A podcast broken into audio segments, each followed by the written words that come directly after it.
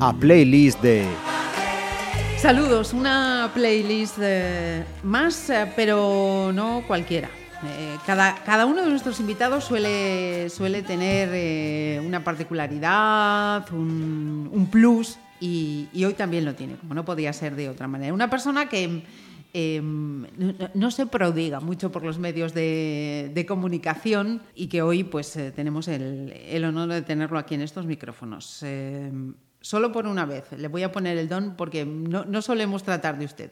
Don Francisco Javier Menéndez Estebanez, presidente de la Audiencia Provincial de Pontevedra. Bienvenido. Muchas gracias. Eh, decía yo que no, no se prodiga mucho por los medios de comunicación eh, esto porque es por falta de, de tiempo, falta de costumbre, miedo a, a, a los micrófonos y ya, ya esta profesión. ¿A, ¿A, qué se debe? No, no, en absoluto. Además, eh, lógicamente soy un, un lector diario de de medios de bueno y oyente, ¿no? Radio, prensa y con lo cual es una profesión que, que admiro y respeto. Uh -huh. eh, digo esto para que eh, me trates bien adecuadamente en el programa, en el programa ¿no? Eh, pero lo de no, no prodigarse, nunca sabes, eh, como siempre, ¿no? Lo, lo, poco está bien y lo mucho a veces pues cansa, cansa ¿no? es excesivo. Uh -huh. En este caso, también porque, en fin, la profesión eh, a la que me dedico no sabes cuál puede ser el término medio y está bien dar información, pero tampoco poderse mucho en los medios porque nuestra función es, es otra, ¿no? Uh -huh. No dar tantas explicaciones, sino hacer bien nuestro trabajo en los juzgados, en los tribunales y, y, no andar en los medios que a veces puede enredar más las situaciones, ¿no? Porque uh -huh. al fin y al cabo detrás de cada juez o detrás de cada jueza pues hay siempre una persona, ¿no? Un hijo, una hija de padre, madre que tiene su vida eh, privada. E, es bueno que los ciudadanos confíen, ¿no? En, uh -huh. En, en, la justicia, en las personas que la, que la, que la ejercen, que tienen que, que adoptar las decisiones. También la duda de algunas veces hay que acudir, como en esta ocasión que he aceptado amablemente esta invitación, en fin, para también mmm, eh, acercar un poco la justicia al ciudadano, que sepa lo que hacemos. ¿no? Entonces, bueno, como en estos años eh, ostento ¿no? un, un, cargo representativo, pues bueno, pensé que también uh -huh. era, era adecuado, ¿no? ya que te lo ofrecen amablemente intervenir, pues bueno, venir uh -huh. y y tener una, una conversación uh -huh. para los oyentes que quieran, que les resulte de interés. Yo, yo, aquí también voy a hacer un acto de, un pequeñito acto de justicia, un muy grande acto de justicia, y es que ha sido gracias a nuestra compañera Natalia, que desarrolla un trabajo estupendo en la, en la información eh, judicial, la que un día dice, oye, ¿y si invitamos a Francisco Javier, el presidente de la audiencia? Oye, creo eh, que Francisco Javier es asturiano de nacimiento. Sí, así es. Cuéntanos. Eh, eso que llevamos siempre a gala, ¿no? Bueno, todo el mundo lleva su lugar de nacimiento a Gala. Yo, lógicamente, también. Nací en, en Gijón uh -huh. y, y, como asturiano, pues, en fin, llevas la patria siempre un poco... Pero bueno, también diré que hasta sus, hasta sus límites, ¿no?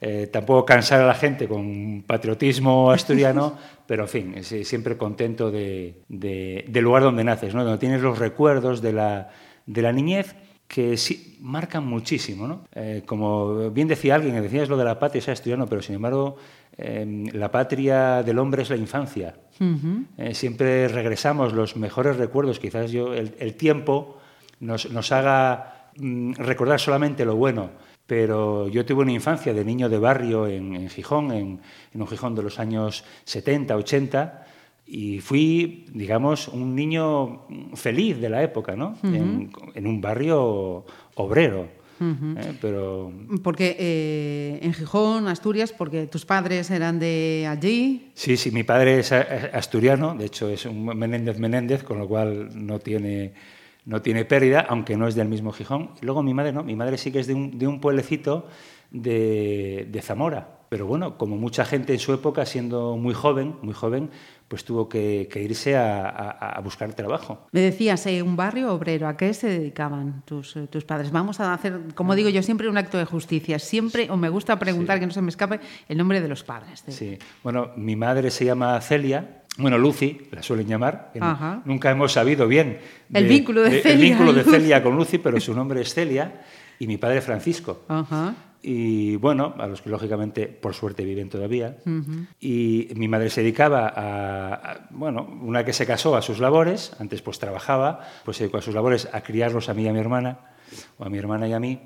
Y, y mi padre fue conductor, conductor de camión. Consiguió ser propietario de su camión y transportaba mm, eh, especialmente, bueno, durante muchos años recuerdo que además eran eh, mercancía peligrosa, Ajá. como era acetileno, oxígeno, cosa que, en fin, le, le produjo algún tipo de quebranto de salud. Era esas bombonas grandes que hay por ahí por los hospitales y era, no era difícil que le cortara siempre alguna falange. Oh. Pero bueno, ahí está, pues bueno, como un, campe- Disfrutando como un ya de- campeón, sí.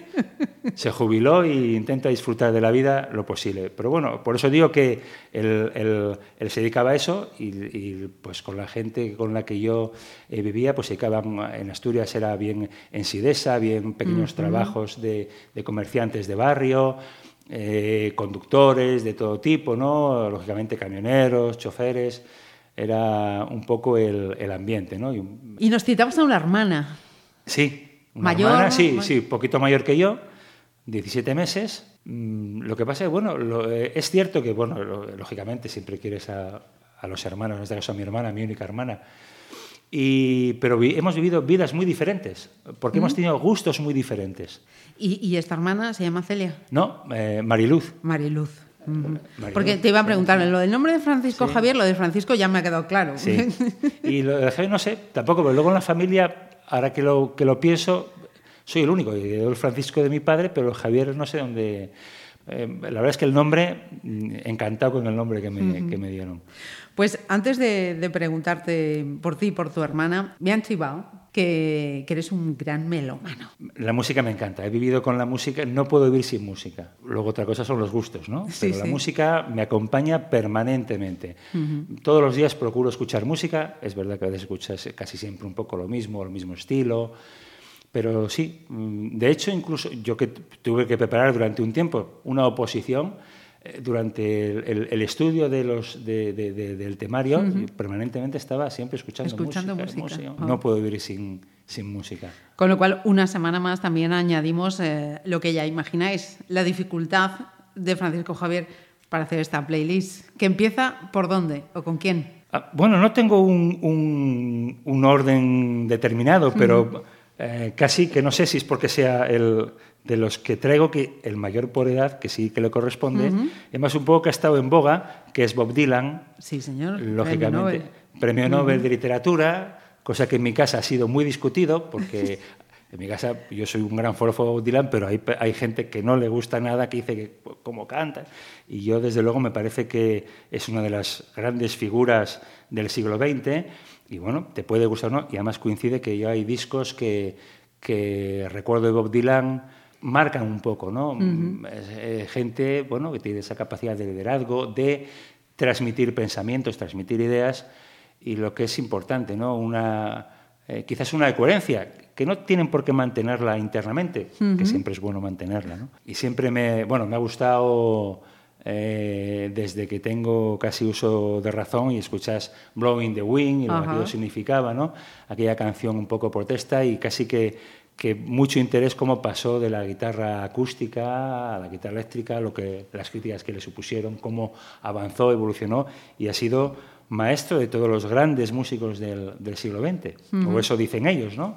Eh, incluidos los Beatles, ¿no? Incluidos. Incluidos los Beatles. Y el, el tema del blowing. Y el, no, pues Ah. eh, una canción que, que, que me encanta, que es Like a Rolling Stone. Ah, sí. Y entonces es una canción, pues bueno, por, por la música, alguien ha valorado que podría ser la, no sé si la propia revista Rolling Stone valoraba esta canción como la, la mejor canción de, de de la toda la historia. historia. Claro, lógicamente, para gustos. Y luego su, su contenido, su estilo.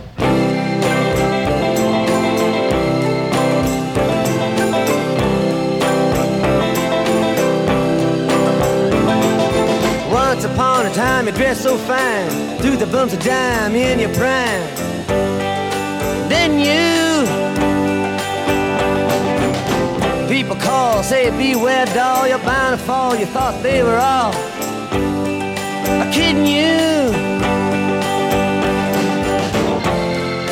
You used to laugh about everybody that was hanging out. Loud. Now you don't seem so proud about having to be scrounging your next meal. How does it feel? How does it feel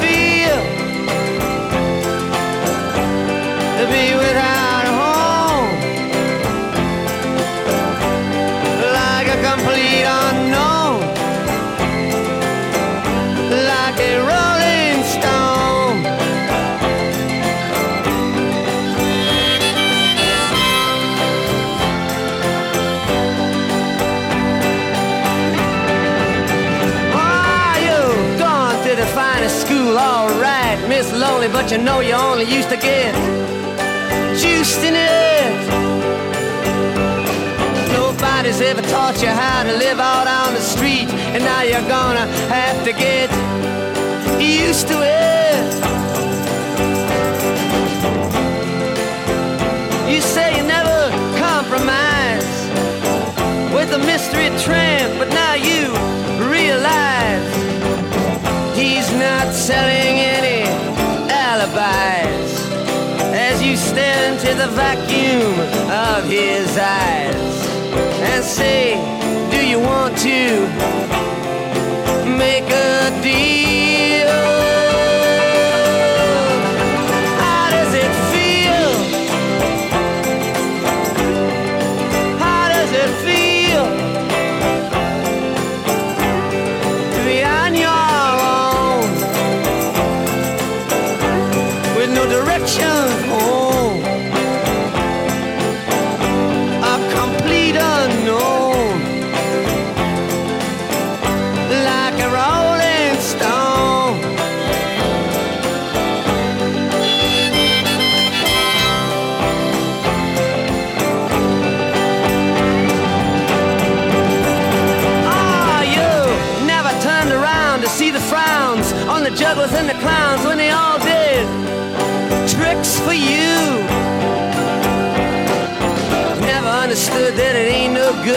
Shouldn't let other people get your kicks for you. You used to ride on a chrome horse with your diplomat who carried on his shoulder a Siamese cat. Ain't it hard when you discover that he really wasn't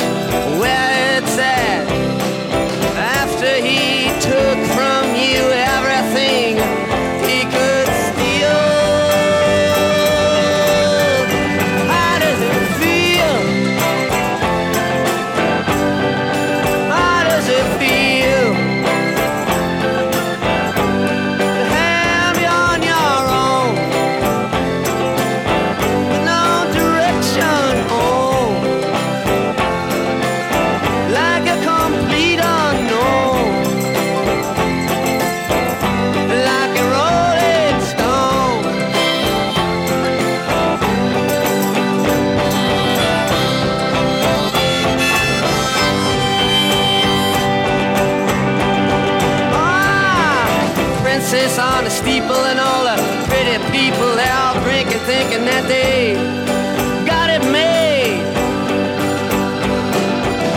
Exchanging all precious gifts, but you better take your diamond ring, you better pawn it,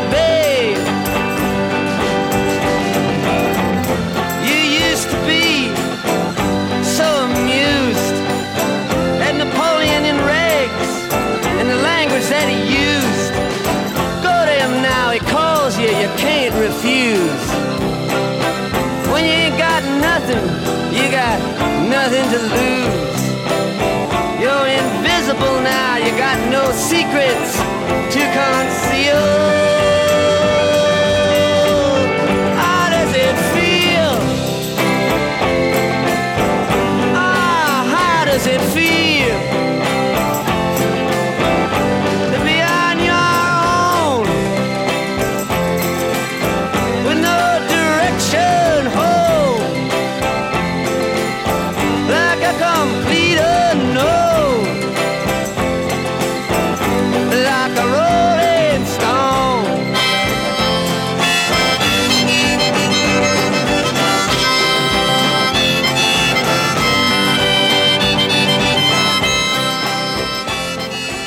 ¿Cómo era la relación entre esos dos hermanos con tan poca diferencia y tan diferentes? ¿Había mucha pelea, mucha disputa o había una entente cordial?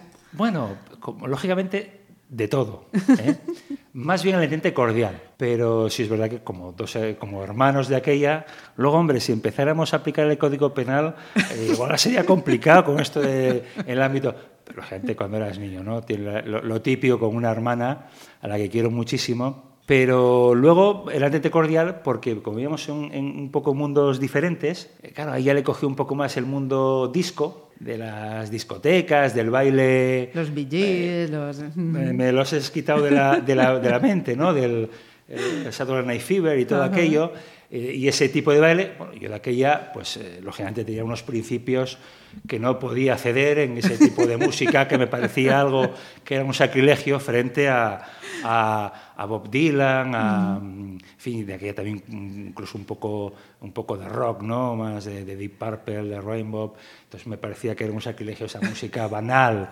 Claro, digo esto para quien no me está viendo, pues con cierta ironía, ¿no? O sea, porque evidentemente los gustos no se pueden discutir y luego los Billys eh, resulta que fue uno de los grupos también han hecho un tipo de sí, música del que, momento, ha, en fin, del que, momento sí, sí. que ha quedado ahí y todo suma ¿no? en, en la vida y en, la, uh -huh. y en el mundo vamos a decir, de la cultura, en este caso del cine y de la música y hay que respetar ¿no? la variedad. ¿eh? Uno piensa que lo demás no sé, y no, y yo creo que los años también nos van poniendo en nuestro, nuestro sitio. Si, eh, justo en uh -huh. nuestro sitio. Porque eh, entonces, eh, que había un, un aparato de, de, música o había varios, había esa pelea de no, pongo esto, pones esto, no, o cada uno tenía su espacio. No, sí, tenemos espacio en eso nunca había pensado, pero en eso hemos tenido suerte porque el, el tocadiscos de plato, aquel típico sí. que sigue funcionando en, ahí está, en casa de mis padres, eh, y es muy antiguo, que además, recuerdo yo, me lo regaló, me lo regaló mi, mi, un, un, tío mío, uh -huh. en Suiza, que ya, por desgracia, no está con nosotros. Y, y, ahí sigue, pero no, porque mi hermana no era muy parte de eso, con la radio y el radiocassette se, se, se apañaba. Manejaba. Sí.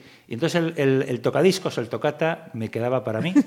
Bien, y salía además, ganando el pequeño. Sí, sí, efectivamente. No, en eso no, hubo, no había conflictos. No, uh -huh. no. ¿Y cómo era, Francia? ¿Cómo te llaman en casa, por cierto? Javi. Javi. Casa Javi. Sí. ¿Cómo, ¿Cómo, era Javi en el cole? ¿Era un niño trasto? ¿Era estudioso? No, era... no yo era un niño estudioso, eh, niño estudioso, pero dedicado también a pasarlo bien. ¿eh? Uh -huh. Siempre me gustó eh, procurar tener bien cubierta esa, esa parte de, de, mi vida. Mis padres siempre insistieron mucho en, en, el tema de la educación, a pesar de que ellos tenían una educación muy básica, pero siempre insistieron mucho. Yo en eso fui muy responsable, siempre mm, intenté sacar buenas notas, hacer los deberes, y en eso siempre cumplí, siempre cumplí bien. Con las responsabilidades que eh, Muy responsable. Eso también, lógicamente, me permitía, pues puedo salir a la calle, puedo salir a la calle, pudiera... entonces en eso tampoco, bueno, con cierto control, uh -huh. lógicamente, eh, pude tener una, una, infancia y una adolescencia pues bastante llevadera. Bueno, digo feliz, lógicamente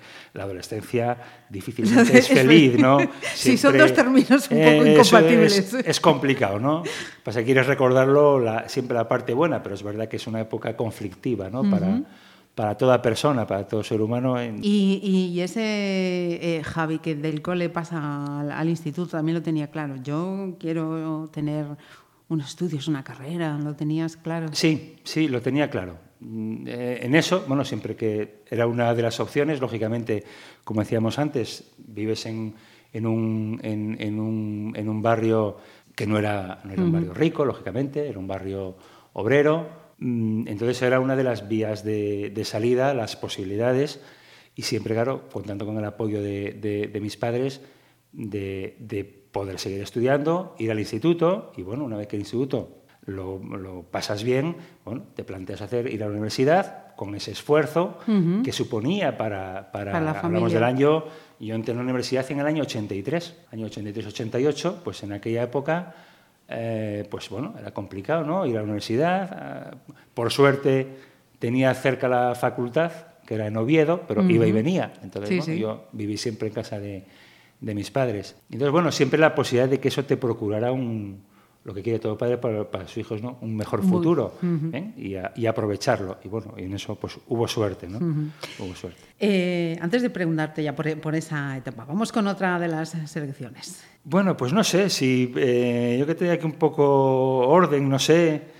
Eh, como te como, apetezca, como tú hablamos, eres el que hablamos, manda. hablamos del, uh -huh. del, del, del, tocata Y de esa, porque yo creo que el primer disco que me compré, si no recuerdo mal, era un disco de, de Leño, eh, que se titulaba Leño en directo. Lo digo porque además luego del, del, del propio disco, de la carátula, de la, bueno, de la, de, la parte, de la parte de atrás del disco, no de la carátula, la parte de atrás, que había varias cosas, recorté algunas para poder poner en mi, en mi libreta, ¿no? Ponías en tu, en tu libreta, luego le plastificabas para llevar... Hombre, las carpetas, algo eh, justo, ¿no? como se dice, customizadas, Eso eran fundamentales. ¿no? Para personalizarla y que se viera, ¿no? De aquella, pues eras militante en aquello que te gustaba y querías demostrar al exterior que típico cuando eres, eres joven ¿no? y piensas uh -huh. que, que, en la vida eres, eres algo muy importante, ¿no? entonces luego te das cuenta que eres tan importante como el resto. Pero bueno, en fin, así ocurren las cosas. ¿no? Y entonces aquel disco, y sí, me gustó mucho, sigo escuchando muchas canciones de aquella época y de aquel disco, pero donde de leño, donde venían algunas que eran, siguen hoy sonando y han habido versiones, como eran Maneras de Vivir o Entre las cejas, pero hay, había una canción que es más lenta, en ese rock, rock urbano ¿no? de, de leño, leño, que es Todo es más sencillo. Ajá. Donde tenía, es una canción que a mí siempre me gusta escuchar canciones, si puede ser, positivas, ¿no? aunque lleven, bueno, hombre, las canciones que es simplemente por escuchar algo agradable está muy bien. Pero bueno, siempre me ha gustado, sobre todo si es muy, música en castellano. Uh -huh. De hecho, Hace unos días creo que uno, el líder de esta banda de leño, Rosendo Mercado, Ajá. creo que ha cumplido los 73, 63 o 64 años, y ha sacado disco nuevo. Y ha sido un hombre muy reconocido en, en, en, en la historia, en la historia sí, de, la música, música española, española como un hombre muy coherente, ¿no? Uh -huh. muy coherente en, en, su vida y en la música que ha practicado. Y bueno, y, en fin, seguramente habrá habido muchos uh -huh. que lo han intentado, se han quedado en el camino. Y bueno, Rosendo es un ejemplo y por eso también me parece que es admirable ¿no? Esa, esa figura. Y por eso esta canción, que es muy con un estribillo, pues bueno, muy positivo, ¿no? todo es más sencillo puede salir el sol y en estos tiempos de que estamos siendo de la crisis ojalá sea así tipo de, de efectivamente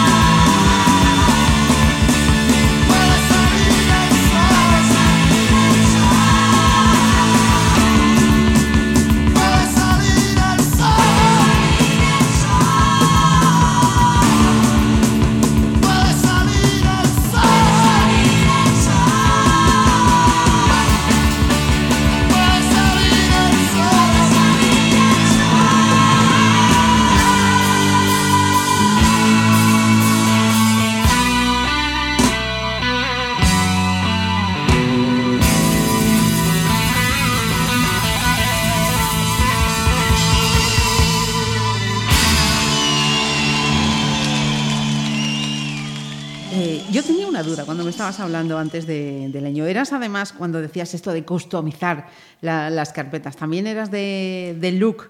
No, no en exceso, no en exceso, no en exceso, no. En eso, en lo que era vestimenta, sí, que en una determinada línea, lo posible, pero sin aspavientos, sin, Sin excesos. estridencias. Efectivamente. Yo recuerdo porque mm, me fui eh, del, del- del- del colegio, de la EGB, era, que estaba al lado de donde vivían, donde vivían mis padres, el, el colegio Julián Gómez de Lisburu, ahí en- entre Pumarín y El Llano, Gijón, que bueno, ahí han ido dos deportistas de, de élite. eh, Cuéntanos.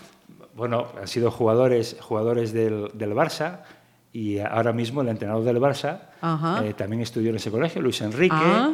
y, y Abelardo. Ajá. De hecho, Ab- Abelardo, eh, que fue jugador del Barça y Sí. entrenador del Sporting hasta que esta temporada le cesaron y igual hubiéramos conseguido mantenernos en primera y se hubiera quedado.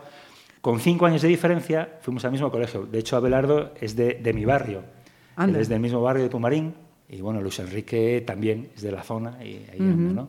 Bueno, pues de- de- del, del colegio ya me fui a un instituto, pero un instituto que quedaba mm, a unos dos kilómetros de donde yo vivía. Es un instituto alejado con no muy buena fama, eh, de revolucionario y luego también otra, mm, en ese sentido puede ser bueno o malo, tenía fama también, bueno, en fin, de una cierta complejidad eh, de gente de, de una vida barrio bajera, un poco delincuencial y, y, bueno, a ver, había un poco de todo. Bueno, pues en aquella época ahí sonaba mucho yo, eh, mis mayores, cuando yo llegaba primero de bachiller, que era primero de bachiller, que ahora sería creo que tercero de la ESO, pues llegas allí y te encuentras, había hippies. Ajá. ¿eh? Los que estaban en lo que era eh, tercero bachiller o COU, pues eran hippies que iban con sus melenas, con unos ropajes tal, y claro, escuchaban Wendell, Jethro Tull y unas... pues, bueno, que a mí me, me encanta, pero claro, yo no llegaba a esos... eh, en fin, una línea mucho más, mucho más moderada. Mira, y decías, eh, luego ya vas a la universidad, a, a Oviedo. eh, también me imagino que es, es un cambio, aunque no ese cambio ya mm, radical de, de despegarse, ¿no? Porque hay en muchos casos en los que el paso a la universidad efectivamente es dejar la casa de los padres y marchas pues, a un piso compartido, a una residencia y tal. No, en tu caso todavía ma- mantienes ese, ese vínculo, Sí. ¿no? To- Total, sí. Es verdad que, de hecho, a veces comentamos, ¿no? Y, bueno, pues la experiencia universitaria, que te has ido fuera, vives, tienes que planchar la ropa, hacer la comida. Bueno, pues esa es una parte que yo no necesité. Y lo del derecho, eh, descartados los antecedentes eh, del derecho en la familia, Pues yo creo más bien eh, fue un- una idea pragmática mm, que podía mm, permitir eh, trabajar en un futuro, porque hombre, de aquella pues me hubiera gustado seguramente hacer o bien historia, filosofía y letras, pero hombre, piensas y le veía como menos salidas, ¿no? Bueno, y luego pues, algún compañero también de, de instituto, bueno, pues, derecho, pues sí, derecho. No voy a decir, por supuesto, tenía yo en mente en aquel momento eh, hacer las oposiciones de judicaturias, pero sí, ya en algún momento la abogacía, esa relación con la justicia, con la justicia social, pues bueno, dices, bueno, igual siempre puedes participar en la sociedad haciendo algo de interés, ¿no? De que puedas influir, hacer un poco algo beneficioso, algo bueno, ¿no? En esta cosa del bien y el mal, algo, por, bueno, digo, por los demás y ganarte la vida, lógicamente, ¿no? Eh, ¿Hacemos otra paradita? Como, como Venga, quieras, perfecto. Pues vamos a por la tercera. un músico, un cantante que me ha acompañado un poco a lo largo, como casi todos, ¿no? Los que a lo largo de la historia, pues es Bruce Springsteen. Ajá. Eh, Y una de las canciones que me, me sigue emocionando hoy, que es la de Thunder Road, una canción fantástica. Bueno, esta es una canción eh, un poco de amor y de la vida en general, ¿no? Cómo empieza eh, un piano suave, la entonación, bueno, muy propio de Bruce Springsteen ¿no? y la Street Band. Y siempre que la escucho me emociona, ¿no? En realidad podría cualquier eh, canción de Bruce Springsteen, Springsteen. además como eh, tanto como a Bob Dylan, Bruce Springsteen le vi en directo, conseguí verle en directo, le vi en directo en Gijón y le vi en directo la última vez en Valladolid, también hace uno- unos años y es emocionante, ¿no? Es un hombre que lo da todo. Y bueno, procura ser también una persona eh, que transmite sus vivencias, luego forma parte también un poco del mito y eso. Y, es curioso porque he estado leyendo el, libro que ha publicado hace, hace poco, el, libro sobre su biografía. Ah, desconocía. Sí, ha sacado, no me, acuerdo el título, pero sí que no, no, hace ni un año que lo he leído. Y luego ha sido un hombre marcado por la, por la depresión. Anda. Ha sido un hombre que eh, es alguien que transmite eh, optimismo, que son letras, ves eh, sus, su puesta en escena, sus conciertos ya está marcado mm, por la depresión durante unos cuantos años y él lo manifesta. Entonces te, te choca un poco gente tan vital que piensas, en fin, y lo que hay por detrás. Y, lo que hay por detrás y la vida, pues eh, en fin, hay que asumirlo, ¿no? Hay lo bueno, lo malo, hay que tirar para adelante. es un fan de Bruce eh, Springsteen, ¿no? Quedó claro. Un fan, Tengo en la familia, aunque sea política, algún fan mayor, ¿no? De, de Bruce Springsteen. ¿Y te acompañó en alguno de sus conciertos? Sí, en el de, Valladolid, efectivamente, en ese sí que fuimos juntos, sí.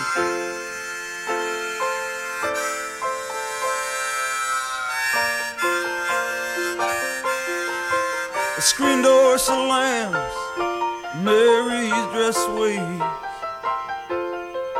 Like a vision, she dances across the porch as the radio plays. Roy Orbison singing for the lonely. Hey, that's me, and I want you only. Don't turn me home again, I just can't face myself alone again. Don't run back inside, darling,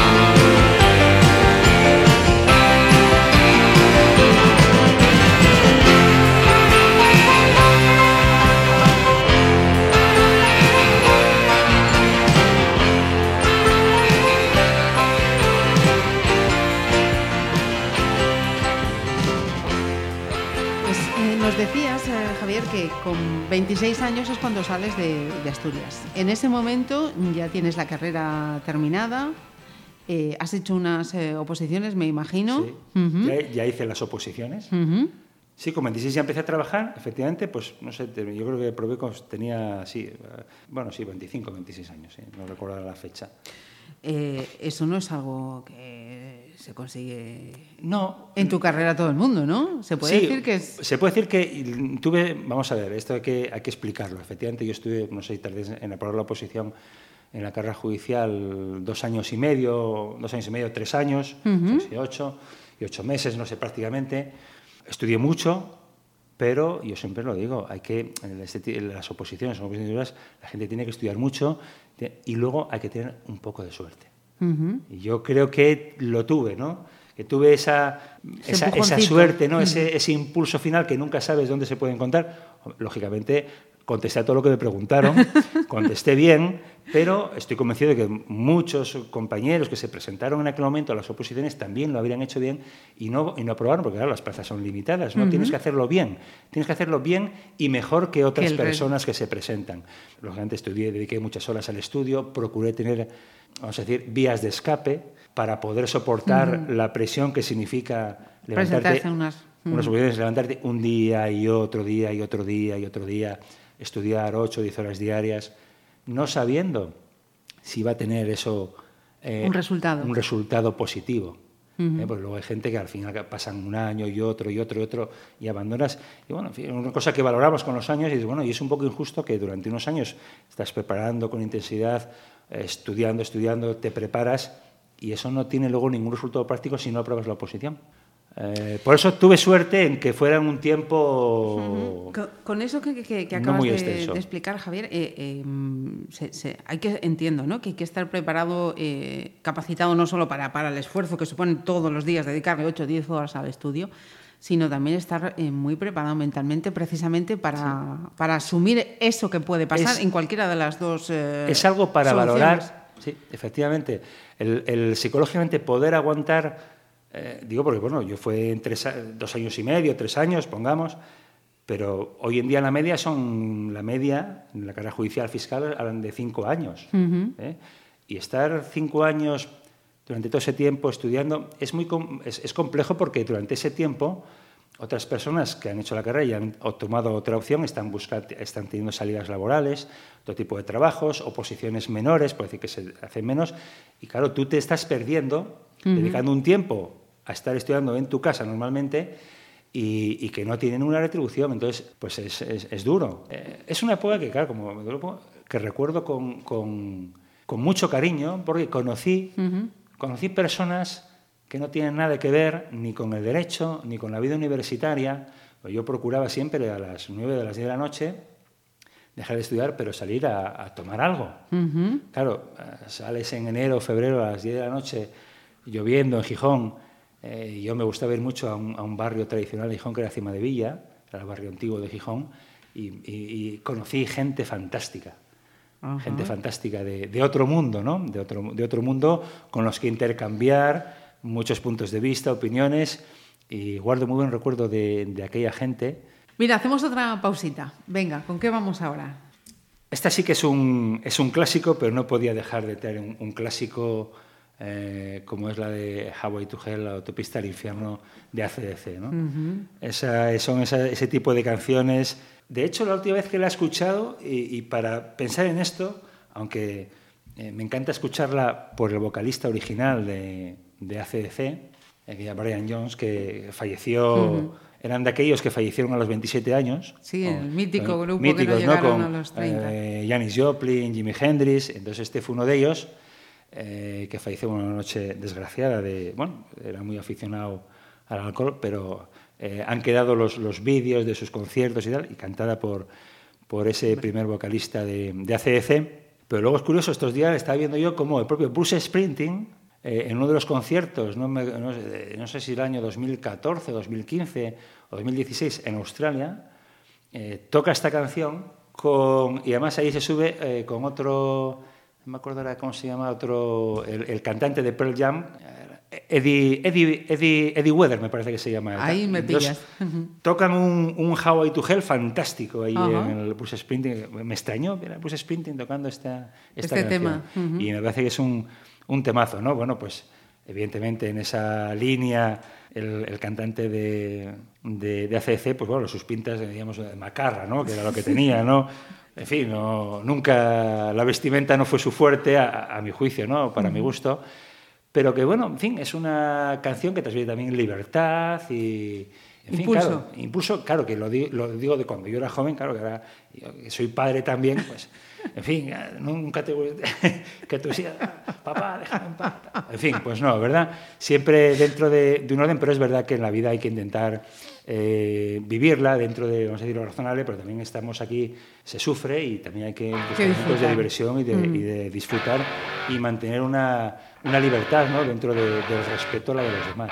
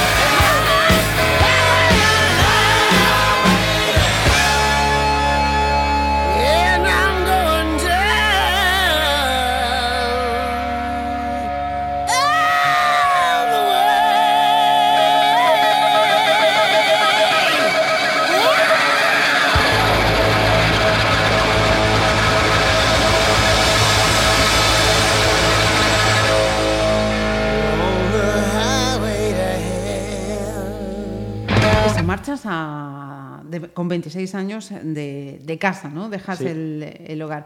¿Cómo recuerdas ese, ese momento, ese desapego de decir, bueno, ahora las riendas las llevo Sí. yo, que Bueno. ya no las lleva Francisco y Lucy? Sí, pues eh, bueno, siempre me sentí muy libre, ¿no? En casa de como siempre respeté las normas de la casa, dentro de ese No respeto siempre me sentí muy muy libre, con lo cual no fue en absoluto nada eh, Traumático. traumático. Lo recuerdo como un paso natural. También decir que me, me casé en ese en ese interín, con lo cual ya nos fuimos mi mujer y yo y fuimos a mi primer destino. pero bueno, ya viviendo en libertad, ¿no? Como- Pues eh, espera que voy a reformular yo la, la pregunta. Espera, que no se nos pase ese, ese, Ah. Ese momento. por supuesto. Eh, ¿Cómo se llama esta mujer? Marisol, Marisol. Eh, Marisol entiendo entonces que también es de Gijón. ¿no? Cuéntanos. Bueno, son estas cosas de, de- ella sí que, bueno, como, como te decía antes, el pueblo de mi madre eh, pertenece a la provincia de Zamora. Ajá. Entonces, a siete kilómetros del pueblo de mi madre hay otro pueblo que es mi mujer, es un pueblo de León. Mi mujer es de ese pueblo. ¿Cómo se llama ese pueblo? Valderas. Es de ese, de ese pueblecito, un pueblecito castellano fantástico, donde yo, yo de hecho incluso, ahora que lo pienso, siendo muy niño, muy niño, sé, cinco o seis años, viví como medio año en el pueblo de mi madre, eh, en San, San Miguel del Valle, se Sí. llama el pueblo de mi madre, y fui al colegio unos meses allí. De aquella, yo no sé si eran los temas de, bueno, aquí si tienes algún problema respiratorio, el mejor sitio para los que somos de Asturias es... Eh, Y viví ahí un, un tiempo con mis abuelos maternos y con mi madrina, con mi tía, con mi tía Carmina, eh, que luego ya es de las que luego emigró a Bilbao. Y bueno, pero de aquella no conocí yo a mi mujer. Pero luego todos los veranos era lo típico, íbamos a ver a los abuelos hasta que luego ya tristemente nos fallecieron. Y yo ya solo que íbamos, claro, el, el- en el pueblo de mi madre no había mucha actividad, ¿no? Cuando ya eres adolescente. Entonces íbamos donde había mucha actividad juvenil, había pubs y había una discoteca, eh, la Long Play se llamaba, y hace años que cerró. Y entonces yo allí conocí a, a- a mi, a mi mujer, es decir, que yo tenía, cuando conocí a mi mujer, yo tenía 15 años. Mátame camión. Sí, así es, Y, y ya con 15 años ya dijiste, esta para mí. así es, así es. Ah, pero, pero es que llevamos avanzando un montón Así de entrevistas sí. y nos habíamos dejado esto en plena... Pues sí, es- es- son- terminada la adolescencia sí, ya, Y ha sido, la, ha sido y es la mujer de mi vida en ese sentido. Pero y con No, 15 años, Javier, 15 ¿cómo años, es hombre, eso? Cuéntame ese fue un momento. amor de estos, claro, veraneabas, claro, de aquella, como comprenderás, entre eh, León y Gijón, las distancias eran, eran muy grandes. Sí, y yo, sí. lógicamente, yo no hay carne de conducir, entonces te veías algunas veces al año. Entonces, bueno, todo era el teléfono y, y- y cartas. Cartas, Ay, el género epistolar, Dios mío. cartas que conservamos. Qué bueno. La inmensa mayoría las O sea conservamos. que, y, y durante cuánto, o sea, os Sí, veíais hombre. tres, cuatro veces al año, imagino esos periodos sí, sí, sí. vacacionales, teléfono, carta, desde los 15 años. En los 15 años hubo algún periodo un poquito más largo de interrupción, Sí, sí. ¿eh? algún periodo que no vamos a, lógicamente, a, a ahondar en ello, pero sí, así fue. ¿Y, y en qué momento eh, Marisol dice, bueno, aquí yo en Valderas ya, ya no puedo seguir? Bueno, no, porque ella, ella, sí, ella sí estudió fuera, ella estudió fuera, ella fue a la universidad, fue a León, eh, preparó posiciones. O sea que también y- se dedica estuvo en Madrid. al, al no, ámbito. no, no, Ah, luego, luego al final las oposiciones no tuvieron el éxito que, que pretendíamos y luego pues nada, pues, eh, ha trabajado un poco en, en alguna ocasión, más bien poco tiempo que, que tarde y estado muy dedicada a, a la familia. Con lo cual, para cuando te marchas con 26 años de Asturias ya estabas casado. La idea en realidad era, era irnos juntos, porque como comprenderás, con 26 años, yo la conocía desde los 15 años, eh, ya teníamos muy claro Más de ¿no? media Nos- vida, ya nuestro futuro juntos. Pero bueno, mm, eh, no tenía mayor importancia y decidimos, en un par de meses, decidimos casarnos y organizamos una boda que al principio no sabíamos, podía haber sido civil, luego fue, fue, mm, fue religiosa, porque bueno, pues eh, yo en, en mis tiempos de, de- de niño y de adolescente iba a una parroquia eh, de, curas paules, Ajá. una parroquia obrera también, una parroquia obrera, de esas que, bueno, íbamos de campamento. Yo fui muchos años de campamento con, con la parroquia, fui hasta monitor, hasta que, bueno, llega un momento que, que también tiene su Te final, ¿no? desvinculas, Te sí, no desvinculas te- en todos los sentidos. Pero conservaba una gran amistad con los curas que habían estado. Eran dos curas, Eble, que el otro día cumplió 73 años, pues lo he visto en Facebook, o Claro. 74, el violino, y, y Paco, un cura fantástico, un cura bastante intelectual. Bueno, pues estos curas, con tan poco tiempo, Sí, sí. pues nos dijeron, sin ningún problema y tal. Entonces, bueno, luego mi hermana dijo, pero ¿y no vamos a ir a comer?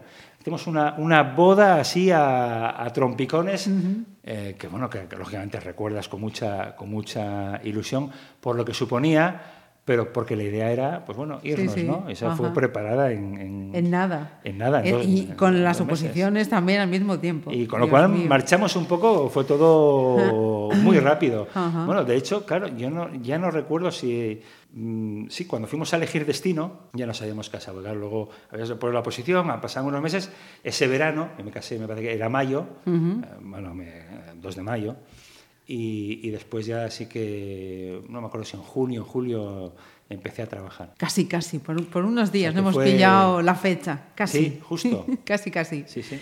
Bodas de plata. Vamos hacia la, la mitad de la lista ya. Bueno, pues ah, bueno, pues pensando en, en- mira, otra de las que tengo aquí no es bueno cualquiera de ellas, pero aquí tengo un grupo que me, me ha gustado siempre mucho y lo he seguido con mucho interés. Ahora yo creo que se han, tengo la sensación de que se han separado, han ido un poco cada uno por su lado, porque los eran do- dos hermanos, eran los que lo formaban, y son lo- los Black Crowes, los, los- Ajá, los cuervos sí, negros, sí. eh, que también le- le- los vi en directo en Gijón. Los vi en directo con otro grupo que luego también pone una canción. Ellos iban de teloneros de los Rolling Stones. Ajá. Y además cuando les vi en directo, eh, estamos, estábamos embarazados de nuestra primera hija, allá por el año, tuve ese entonces en el 95. En el año del 95, ellos eh, en el Molinón, en Ajá, el estadio sí, de fútbol de sí. Gijón, vimos ahí a, a los Black Crowes y a, y a los Rolling Stones. Y tienen una canción que me, que de, de- de un disco además yo lo tengo en vinilo, encantada que yo me lo compré, que es Twist as Hard. Es una, un, un temazo, por habéis- es un rock, un rock sureño. Eran, eran, parecían más modernos de aquella y luego fueron un poco, bueno, siguen siendo un rock sureño fantástico, de lo mejor que yo he escuchado en, en- en rock, en rock americano. Eh, y luego eh, les he visto, pues lógico, ahora en YouTube ves un poco de todo. ¿no? De todo. Puedes ver conciertos y, y- y de ahí, ahí los escuché y, me, y sigo siendo un auténtico fan de estos, De los Black Crowes. de los Black Crowes, sí, efectivamente. Y este tema en concreto, que es de ese disco, que lo relaciono también con mi época de opositor, cuando iba yo a Cima de Villa, y recuerdo perfectamente el, el bar, El que ya no donde- existe, ya no existe el local, donde escuché vez este disco junto con otro de Tom Petty, Ajá. y los dos discos, de escucharlos allí, me los compré. Me parecieron, me parecieron uno de los mejores discos que he escuchado en mi vida. Y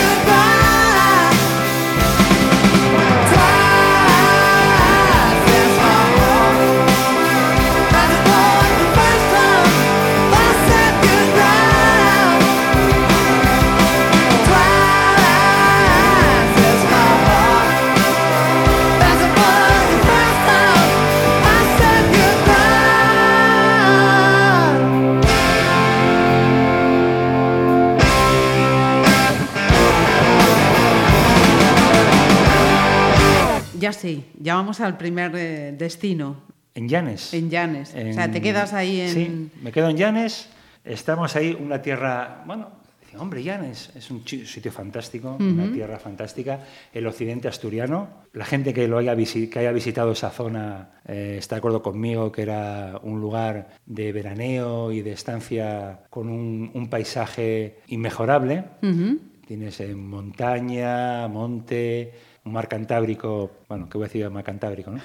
Siendo de Gijón. Pero era un juzgado único. Y entonces ahí nos encontramos que una pareja joven, con lo que teníamos, un sueldo, Sí, sí. y era, pero era eh, lo que menos, eh, el sueldo más bajo que había en la carrera judicial era ese. Y era un juzgado único, eso significaba que estabas permanentemente en el juzgado y permanentemente de guardia. Para todo tipo, hombre, no eran habituales porque tampoco era un partido judicial grande, pero sí que eso, mm, y luego el invierno, claro, el verano, la primavera es muy bonito, pero el invierno era más complicado.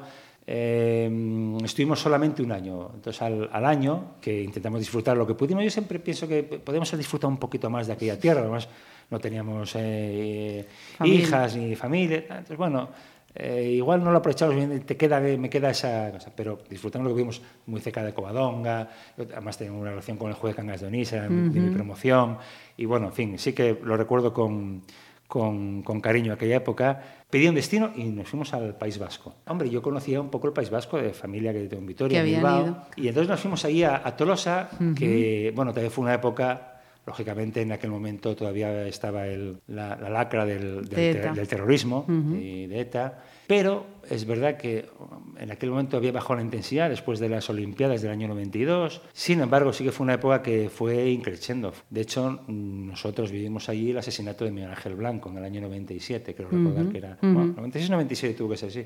Y de hecho, yo me fui de ahí en el 98, que me vine para, para Pontevedra, y no recuerdo si a los dos años, dos años, fue el asesinato de un juez en Bilbao, de José María Lidón. A partir de aquel momento, los jueces eh, y las juezas del País Vasco ya tenían que ir con... Con se les escolta. puso guardaespaldas a todo el mundo. Nosotros fuimos pensando estar poco tiempo, luego se alargó, porque mm, luego eras juez, estaba el ascenso a magistrado, y allí, bueno, pues eh, te- tenemos la suerte que había, mm, había tres juzgados, eh, ya no estabas de guardia, sino una semana de cada tres, entonces te permitía cierta libertad y eh, nos parecía que era una zona bonita, interesante, ¿no? Nosotros, yo el problema este del, del terrorismo, siendo conscientes de ello, no era algo que nos impidiera, sino nos parecía una tierra... eh, una tierra mm, eh, hermosa con su encanto, ¿no? El, el País La Vasco. tiene, la tiene sin duda. Eh, de hecho, a a- me encantaba ir. Bueno, era País Vasco, vamos, San Sebastián es una ciudad mm, bella donde las haya, ¿no? Cierto. Y el pasear por San Sebastián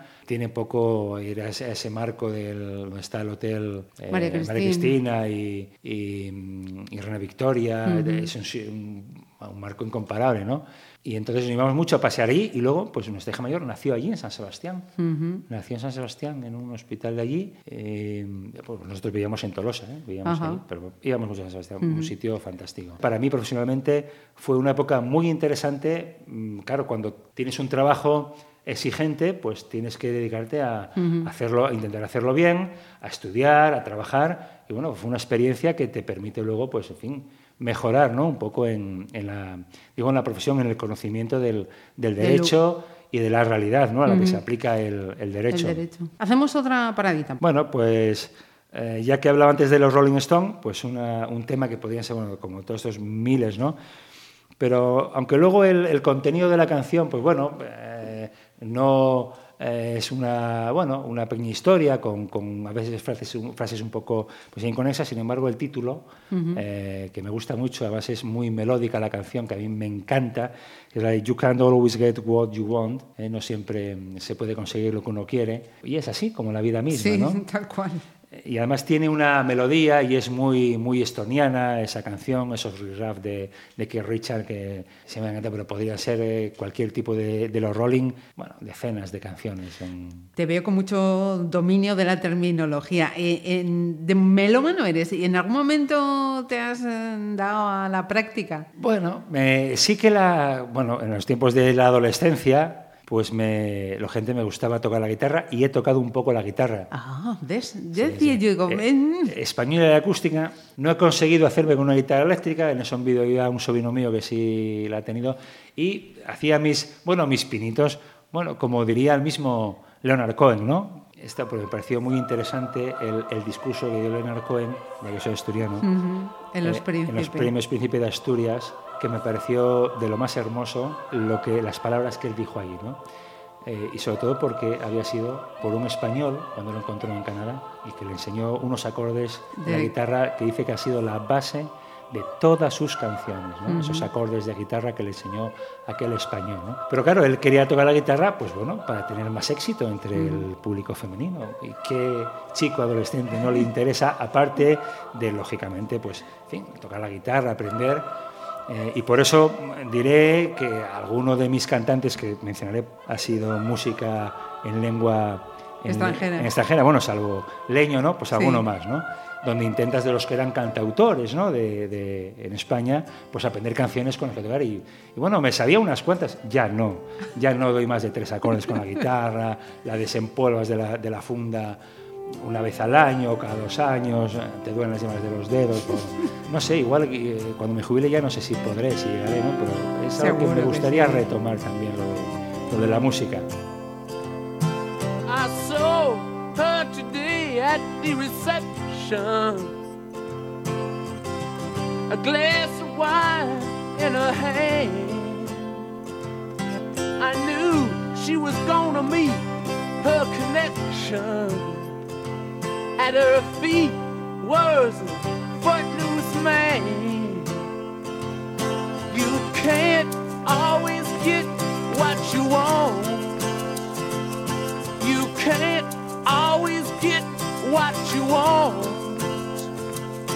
You can't always get what you want. But if you try sometimes, well, you might find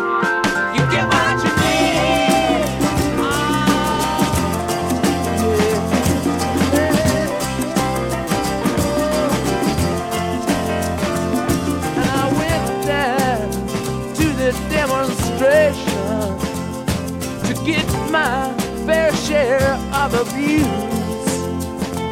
Singing we're gonna vent our frustration. If we don't, we're gonna blow a 50 amp fuse. Sing it to me.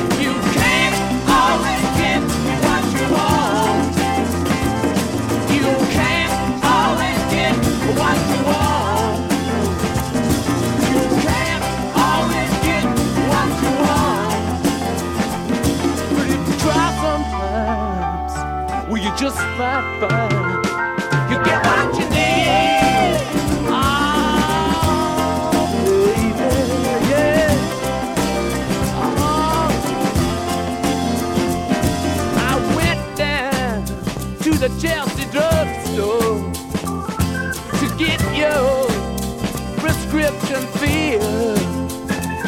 I was standing in line with Mr. Jimmy.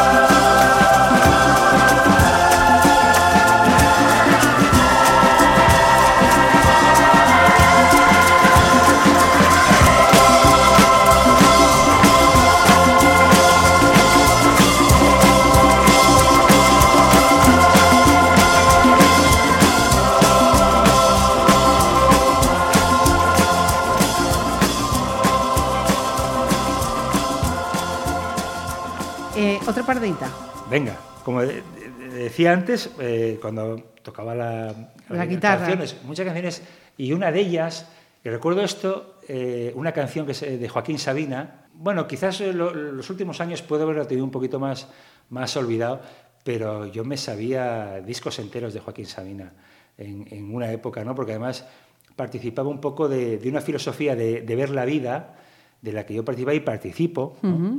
No, no, no la visión esa más canalla ¿no? de Joaquín Sabina, porque para eso hay que, hay que serlo y ejercerlo, ¿no? Eh, de, esa, de esa vida más, más eh, libre y más, eh, más echado para adelante, ¿no? pero esa, esa vida un poco libre, con unas ideas también de libertad en todos los ámbitos de la vida, luego cada uno que haga con ella lo que quiera, ¿eh? pero que tenga esa posibilidad de ser libre y de y tomar decisiones que no le vayan exigiendo la, la sociedad, ¿no? Eh, responsabilidades por, por ser libre en todos los sentidos, ¿no? en el sentido intelectual, en el sentido religioso, en el sentido de una adopción sexual, que quiera, en el que se quiera. ¿no? que se- entonces, eh, sí me parece que es un hombre que refleja eso sin pedir eh, Permiso. bueno, permiso ni siquiera una coherencia, porque uno es libre también de a lo largo de la vida de ir cambiando, de, hombre, de algunas posiciones. Ya sabemos que en esta maravillosa pe- película argentina, ¿no? de, de tus ojos. De trabaja Darín. Ricardo Darín, Ricardo eh, sí, son los protagonistas. sí, sí, Ay, no me acuerdo, sé que es no sé qué de tus ojos, donde se dice que de lo que no se El cambia secreto nun- de tus El ojos. secreto de tus ojos, efectivamente, de lo que no se cambia nunca es de equipo de fútbol, de lo demás se cambia, ¿no? Bueno, pues aquí un poco, un poco lo mismo. Sí que se puede mm, eh, cambiar dentro de esa libertad, ¿no? Y por eso, entonces recuerdo que esta canción se la escuché por primera vez a unos eh, amigos de Mieres, eh, en un pueblecito pequeño de Mieres, y no recuerdo su nombre, y la tocaba un chico con la guitarra fantástica, que es Calle Melancolía. Y es una canción que, lógicamente, Sabina ha hecho unos temas fantásticos y luego eh, pertenece a los primeros tiempos de Joaquín Sabina, yo creo que es del disco de Malas Compañías, cuando era, ya metía la guitarra eléctrica, pero ahora todavía se le veía esta parte más acústica ¿no? de la mandrágora, de aquella época. Pero refleja ese, el, el- el castellano como el español, es un idioma riquísimo en detalles y a mí me parece que es uno de los hombres que ha sabido manejar muy bien eh, el- los conceptos, las palabras eh, en relación con las ideas ¿no? y, y reflejar sentidos, sentimientos, imágenes, ideas con, con la palabra y musicarlas. Me ha parecido bárbaro. Igual que no traigo canción de pues como diría Antonio Vega. Y entonces han manejado, a, gente que ha hecho canciones en, en castellano eh, fantásticas. y, y a mí siempre me ha gustado mucho, muchos grupos, eh, qué sé, me da igual, Los Secretos, eh, y eran canciones muy, muy, muy, tocables por el que quería tocar un poco la guitarra Sí, y, sí. y quedar bien pues con las chicas o con el grupo de amigos y estas cosas. ¿Quién no ha pasado por eso?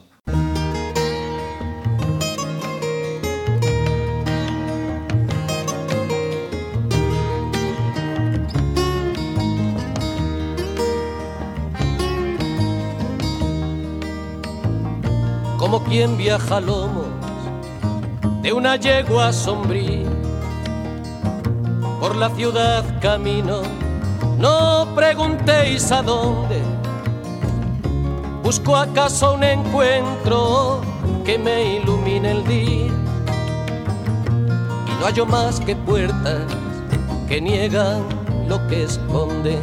Las chimeneas vierten su vómito de humo a un cielo cada vez más lejano y más alto.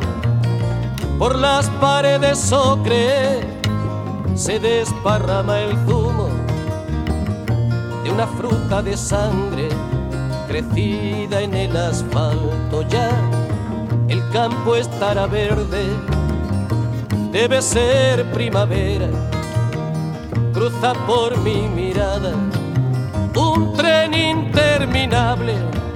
El barrio donde habito no es ninguna pradera, desolado paisaje de antenas y de cables. Vivo en el número 7, calle Melancolía. Quiero mudarme hace años al barrio de la alegría, pero siempre que lo intento ha salido ya el tranvía. En la escalera me siento a silbar mi melodía.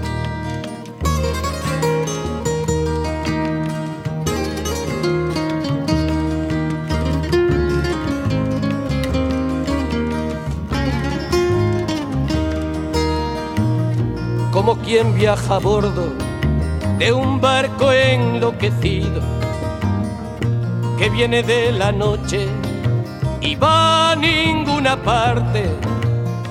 Así mis pies descienden la cuesta del olvido, fatigados de tanto andar sin encontrarte. Luego de vuelta a casa Enciendo un cigarrillo, ordeno mis papeles, resuelvo un crucigrama, me enfado con las sombras que pueblan los pasillos y me abrazo a la ausencia que dejas en mi cama. Trepo por tu recuerdo como una enredadera que no encuentra ventanas donde agarrarse soy esa absurda epidemia que sufren las aceras. Si quieres encontrarme, ya sabes dónde estoy vivo en el número 7, calle Melancolía. Quiero mudarme hace años al barrio de la alegría, pero siempre que lo intento ha salido ya el tranvía. En la escalera me siento a silbar mi melodía, vivo en el número 7, calle Melancolía. Quiero mudarme hace años al barrio de la alegría pero siempre que lo intento ha salido ya el tranvía. En la escalera me siento a silbar mi melodía. Mira, otra pregunta que tenía pendiente de esa etapa de País Vasco. Nos decías, en el 95 es cuando nace tu, tu primera hija. 96. 96. Sí. Estaba, eh, cuando digo, fuimos al concierto Era el ese verano, 95, pero ella estaba- nació en enero del 96. eh, Ajá. mi hija mayor, sí. ¿Cómo se llama la criatura? Andrea. Andrea. ¿Cómo cambia, Andrea, la vida de Javier? Bueno, Yo así, como soy padre, pues ya entro en, en, la terminología y en los conceptos del que es padre. Y es lo de siempre, pues te cambia la vida. Hay un antes y un después. Ya no te imaginas la vida de, de sin, sin, sin, los hijos y, claro, la responsabilidad, pues bueno, es mayor si cabe, ¿no? Y quizás los deseos de mejorar, ¿no? de mejorar personal y socialmente, digo la sociedad, ¿no? Con el trabajo, uh -huh. por, porque ellos vivan en, en, en, en un mundo, en una sociedad, pues, pues mejor, intentar, bueno, dentro de lo, de lo posible, eh, transmitir unos valores, con lo cual, bueno, hay que ser coherente ¿no? en, uh -huh. en, en, la vida para predicar un poquito con el ejemplo, ¿no? Eh, que es lo que procuras, aunque, bueno, ¿quién está libre de alguna incoherencia, no? Y, y ahora, si no me equivoco, que Andrea tiene 21... ¿Sí? ¿Le has explicado, hubo algún momento que le explicaste, mira Andrea, tu padre eh, tiene esta profesión, ejerce esto con este objetivo?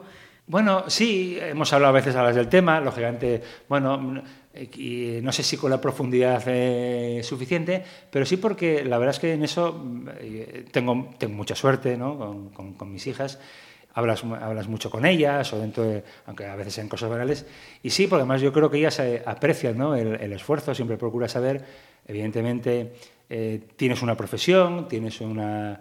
Eh, en este momento, bueno, ejerces un, un cargo, vamos a decir, de, en la ciudad que, bueno, que tiene su, su, peso, su, su, su importancia, sí, sí. pero, pero eh, yo, ellas saben que de dónde viene su padre, de lo que significa el esfuerzo, de lo que hay que hacer en la vida, ¿no? de que ser, en la vida hay que ser eh, a mi juicio, ¿no? Hay que comportarse adecuadamente, hay que eh, hacer frente a todo lo que hay que hacer frente, pero hay que ser humildes y ayudar ¿no? en, lo, en, lo, posible. Entonces, transmitir una serie de valores como, en fin, la, la bondad, la humildad, el esfuerzo, ¿eh? que hoy a veces está, no se sabe si está infravalorado. O olvidado. o olvidado, y yo creo que, pero bueno, en fin, ella sí que en esto pues, también intentan hacer lo que es su parte, ¿no? En, hasta uh -huh. ahora, ellas se, se esfuerzan yo creo que esos valores ellas lo, lo en fin, lo han los han recibido, los dividen, pero bueno, hacen una vida normal, ¿eh? como uh -huh. una joven de dos años, pero con un sentido también de la responsabilidad y de la sociedad en la que viven uh -huh. y de lo que representa ¿no? estar aquí, y bueno, en este caso lo que dices tú, la profesión de su padre y lo que haces y a qué te dedicas. ¿no? Uh -huh. ¿Y, ¿Y, Andrea ha seguido la tradición profesional del padre? No, en absoluto, en, ni, ni, ella ni seguirá tampoco la, la segunda, las dos. Ellas son, yo soy de letras, ellas son de ciencias. Ella está en una, hace una ingeniería. Caramba. Hace una ingeniería y en ello está. Nunca me había visto yo como ingeniero. Sí, había pensado yo en mis tiempos la arquitectura, que es una Ajá. carrera que parecía que me parecía muy completa, ¿no? Los, los, pero yo lo de los números en segundo de bachiller ya de aquella yo ya sabía que no no vamos si no es que se me dieran mal pero sí que desde sí, luego eh, no era lo que querías no era lo que quería las letras y, y, nada yo no sé si es que no he sabido inculcarles el, ni el amor, pero yo creo que esas cosas se van viendo, ¿no? Uno uh -huh. dice, no, no, es que yo, a mí esto, me cuesta estudiar historia, me cuesta estudiar esto, y prefiero estudiar matemáticas o física o química y se les da mejor. Uh -huh. Y la pequeña va el mismo camino, el interés del derecho, ninguno. Quiero preguntarte también por la pequeña, pero vamos a ponerle antes otro, otra banda sonora. Pues ya no, ya no sé por dónde vamos, pero como decía antes de la música en, en, en español, español. Y, y, la utilización de, de, un buen castellano y lo que representa en una época, claro, que yo viví un poco en su plenitud, que eran los, los, los, los 80. 80 y los principios de los 90. Y para mí hubo dos grupos, aunque no traigo ninguna canción del último de la fila, que me hago, me, es un grupo que me ha encantado y lo he visto en directo, he disfrutado muchísimo, pero Radio Futura. Radio Futura uh -huh. sí es un grupo que me, me marcó su forma de, de, de, ver la música en aquella época de la movida madrileña. Uh -huh. Bueno, quizá los primeros temas sean más lo de enamorado de la moda juvenil sí. y tal, todo uh -huh. Podía ser, pero su desarrollo fue impecable, con una seriedad, y luego eh, Santiago Userón pues era uno Es de lo que te voy a decir, es que la cabeza de Santiago eh, Userón es una cabeza que ha ido es, es amueblándose de manera impresionante. Es fantástica la utilización del el dominio de, del, de la música, del, de la letra y ha, sacado un nuevo disco, me parece, no sé cómo se titula, Ámbar, que no, y he escuchado un par de temas. Entonces me parecía que tiene una trayectoria con Radio Futuro y luego de forma también tiene uno de los primeros discos como Perro, como Juan Perro, uh -huh. Raíces al viento, con mu mucha música del son cubano uh -huh. y también me acuerdo mucho porque la escuchaba mucho en casa mi mujer y yo, Marisol y yo, cuando estaba para nacer Andrea, ¿no? Uh -huh. O sea, que tiene que ser de aquella época o recién nacida, veces preciosas. Pero una canción de sus primeros tiempos que es La vida en la frontera. Eh, me parece que, no sé, al menos era del disco de Un país en llamas, era cuando estaba un poco en plenitud, era el tipo de música de aquella moda que yo viví con también con mucha intensidad, muchos cambios en España, en aquella época donde la libertad se, se, respiraba, era el cambio ¿no? de la, en la sociedad, en todos los ámbitos.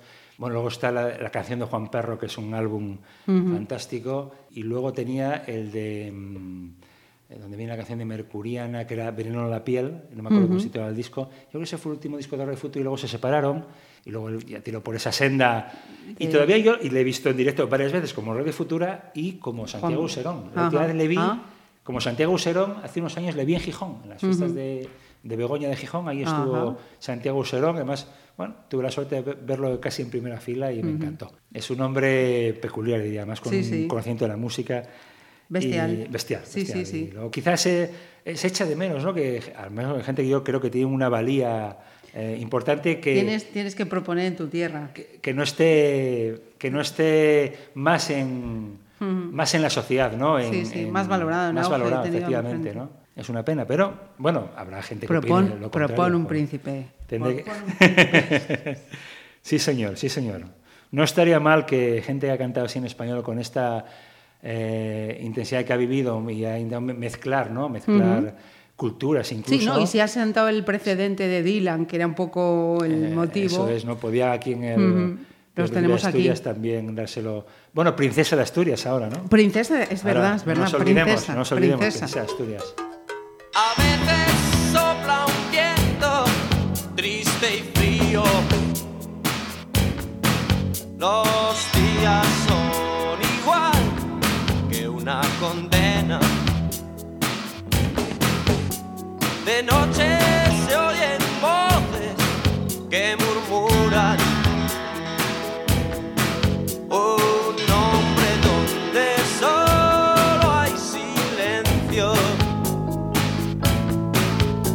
Si cruzas por aquí, sé precavido. Si alguien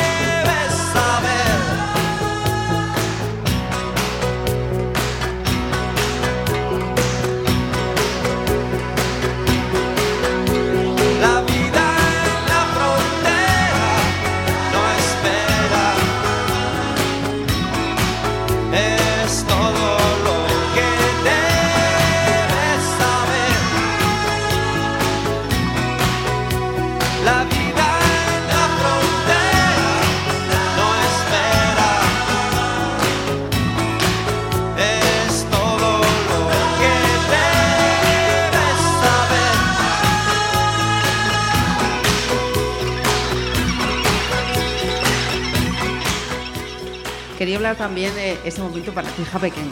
¿Cómo se llama? ¿Cuándo llega? Carlota llega en un... Carlota. Ya es, ella ya es nacida aquí, nace en Vigo, bueno, está a punto de... Bueno, le queda un poquito para llegar a media edad. Ah, Y llegó cuando nos lo propusimos. y en aquel momento, y, en fin, con lo cual tenía ya, era ese momento, en que ya tienes una hija con dos años, tres años, tres años y pico, y que, y, bueno, pues nos gustaría que, que tenga compañía, ¿no? Que tenga compañía en este mundo y eh, completó lo que es nuestra familia y ahí se quedó la familia.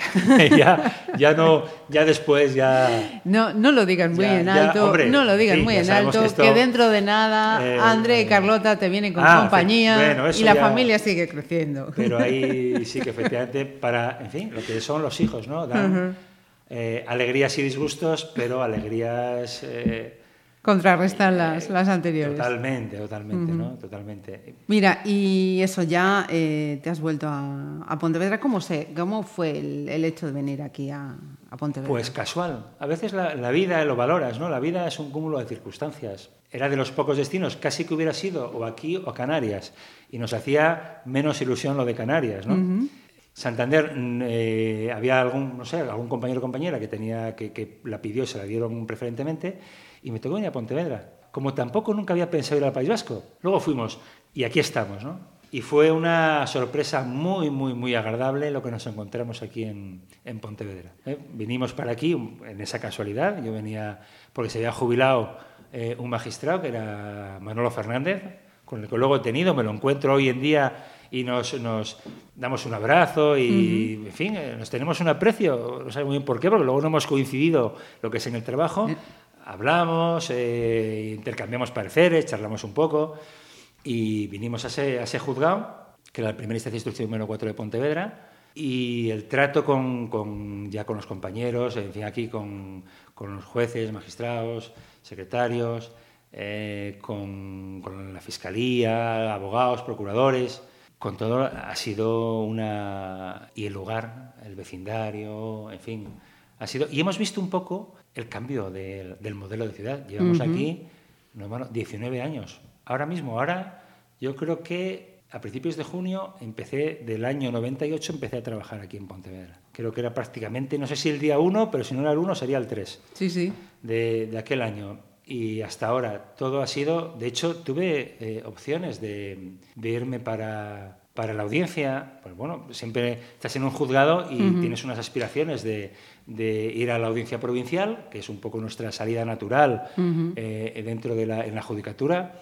Y yo, en fin, había aprobé una especialidad de mercantil que me permitió el acceso a la audiencia y en esa ocasión fue una, también algo circunstancial y algo casual, que era ir a la- venir a la audiencia de Pontevedra, que había una plaza de especialista, y a la audiencia de Asturias. Y que fue allá por el año 2005 y decidimos quedarnos porque, en fin, nunca sabes, ya llevas mucho tiempo fuera y la vida aquí mm, con, eh, en Pontevedra en general, en todos los aspectos, ha sido muy positiva. ¿no? Yo no tengo ninguna queja, al contrario, que ojalá siga, ¿no? Penúltima selección ya.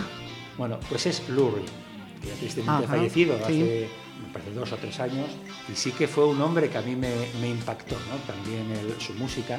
Pero eh, hay un disco que yo sí lo tengo en vinilo. Es más, lo tuve que recomprar porque se me había rayado el que tenía. tanto escucharlo, Y dije, yo lo voy a, lo voy a comprar El disco es el Rock and Roll Animal y la canción es Sweet Jane. Eh, a mí me gustan mucho eh, las canciones rítmicas, por eso el jazz es una de las de los palos de la música con el Con que el que no dis- de- disfruto poco. El blues me encanta, pero el jazz no. No, no es algo porque es bastante, eh, a pesar de que tengo un buen amigo y vecino en Pontevedra que es un auténtico fan de, de la música del jazz, ¿no? Paco. Eh, no puedo decir su nombre. y no, pero no, no, incluso me ha regalado discos y tal.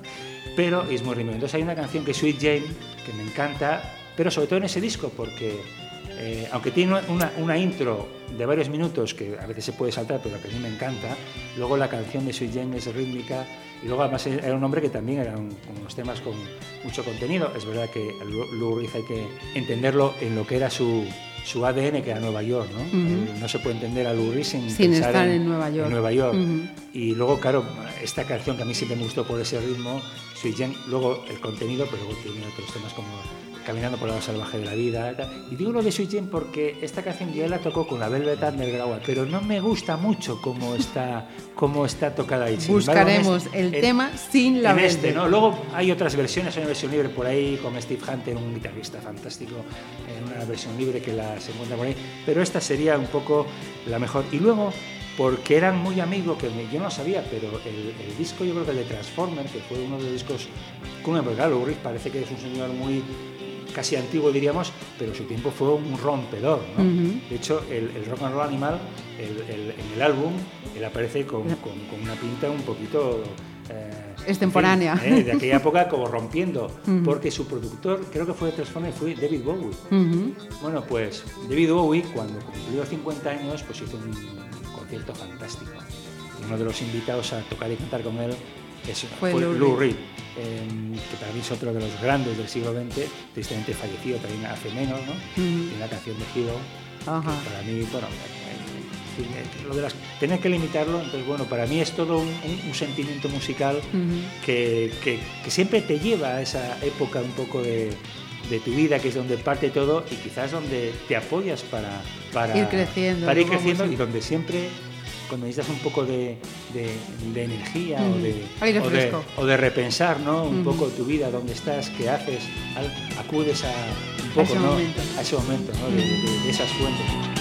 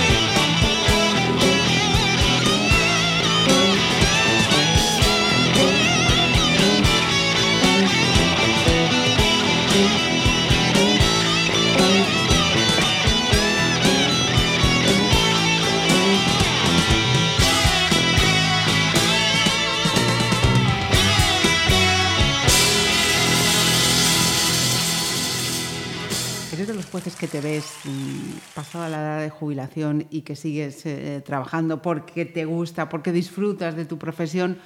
¿O dices, no, no, no, yo a partir de ese momento, a estudiar filosofía, a darle a la guitarra, a viajar, a ir a esos...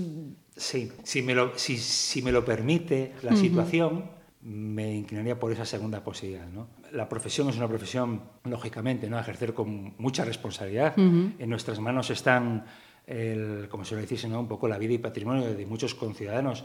Pero claro, eh, también está la vida mm, va pasando ¿no?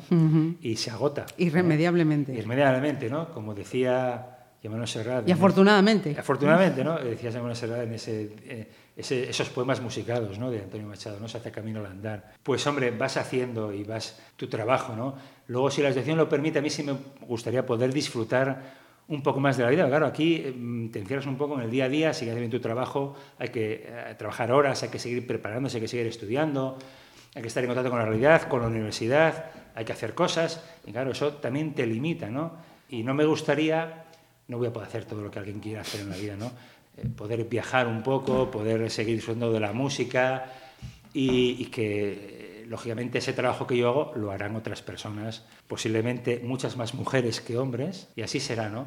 Y yo, pues, poder disfrutar un poco de, de- de lo que podamos, ¿no? De, la- de la vida. En fin, contento con, con lo que nos va dando, no puedo pedir más en realidad de el tema del ejercicio de la profesión no me, me, me encanta no ejercer de, de, de juez. De Para mí es una profesión que ejerzo con responsabilidad o procuro hacerlo, ¿no? Pero no me no, no siento, no, no va unido a mí, ¿no? ¿Con qué cerramos, Javier?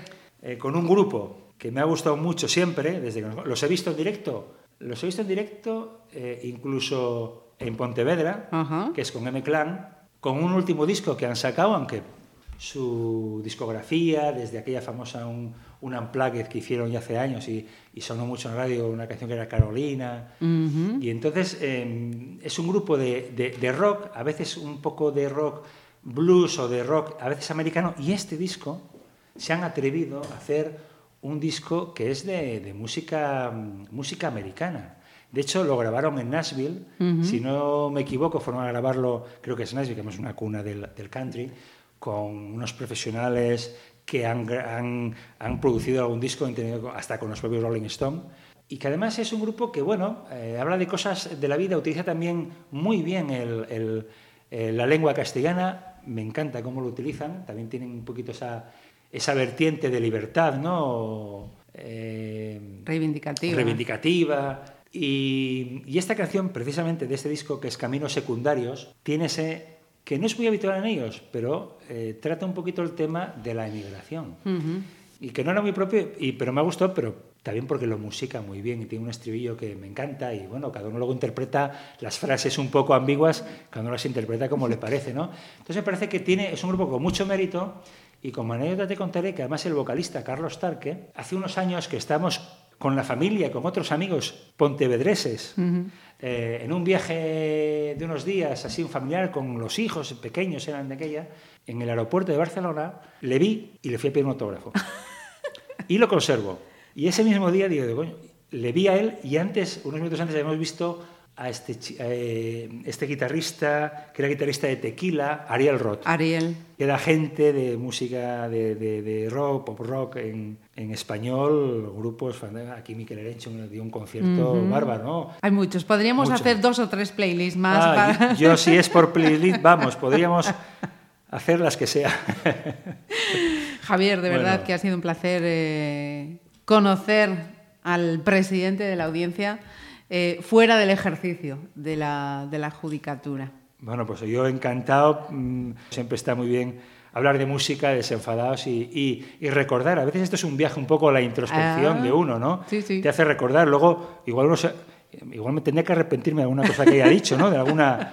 alguna me suena, esa- esas frases me alguna suenan. intimidad, ¿no? Que espero que, que, que cuando llegue a casa y, y- y cuando Y mi- lo escuchen. y mi mujer o mis hijas lo oigan, pero papá, ¿cómo has dicho esto? Pero Javi, ¿cómo has...? Estas cosas que ocurren en la- Seguro, seguro que no. Pues muchas gracias a vosotros por, por invitarme aquí.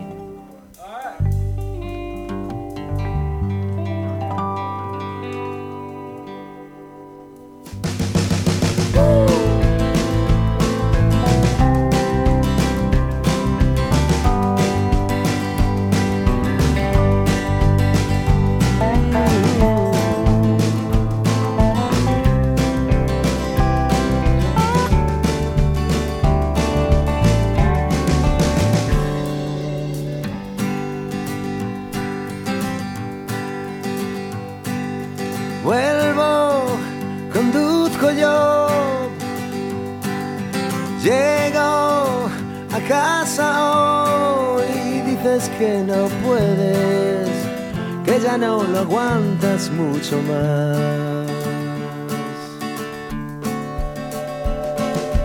Quieres a un ladrón de guante blanco que se manchó te desesperes, todo esto pronto va a cambiar.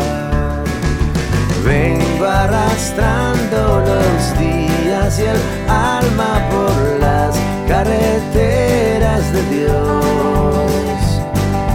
La mala vida que tuve me tienta con luces que dicen esto.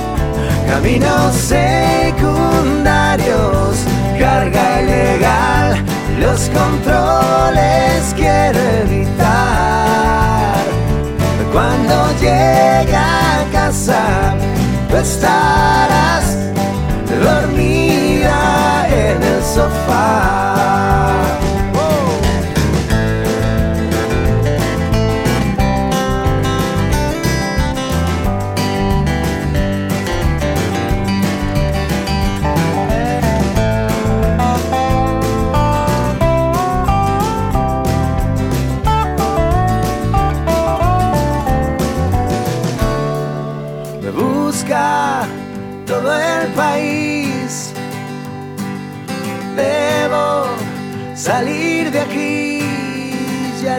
más veces, no tentaré a la suerte, eres todo lo que tengo.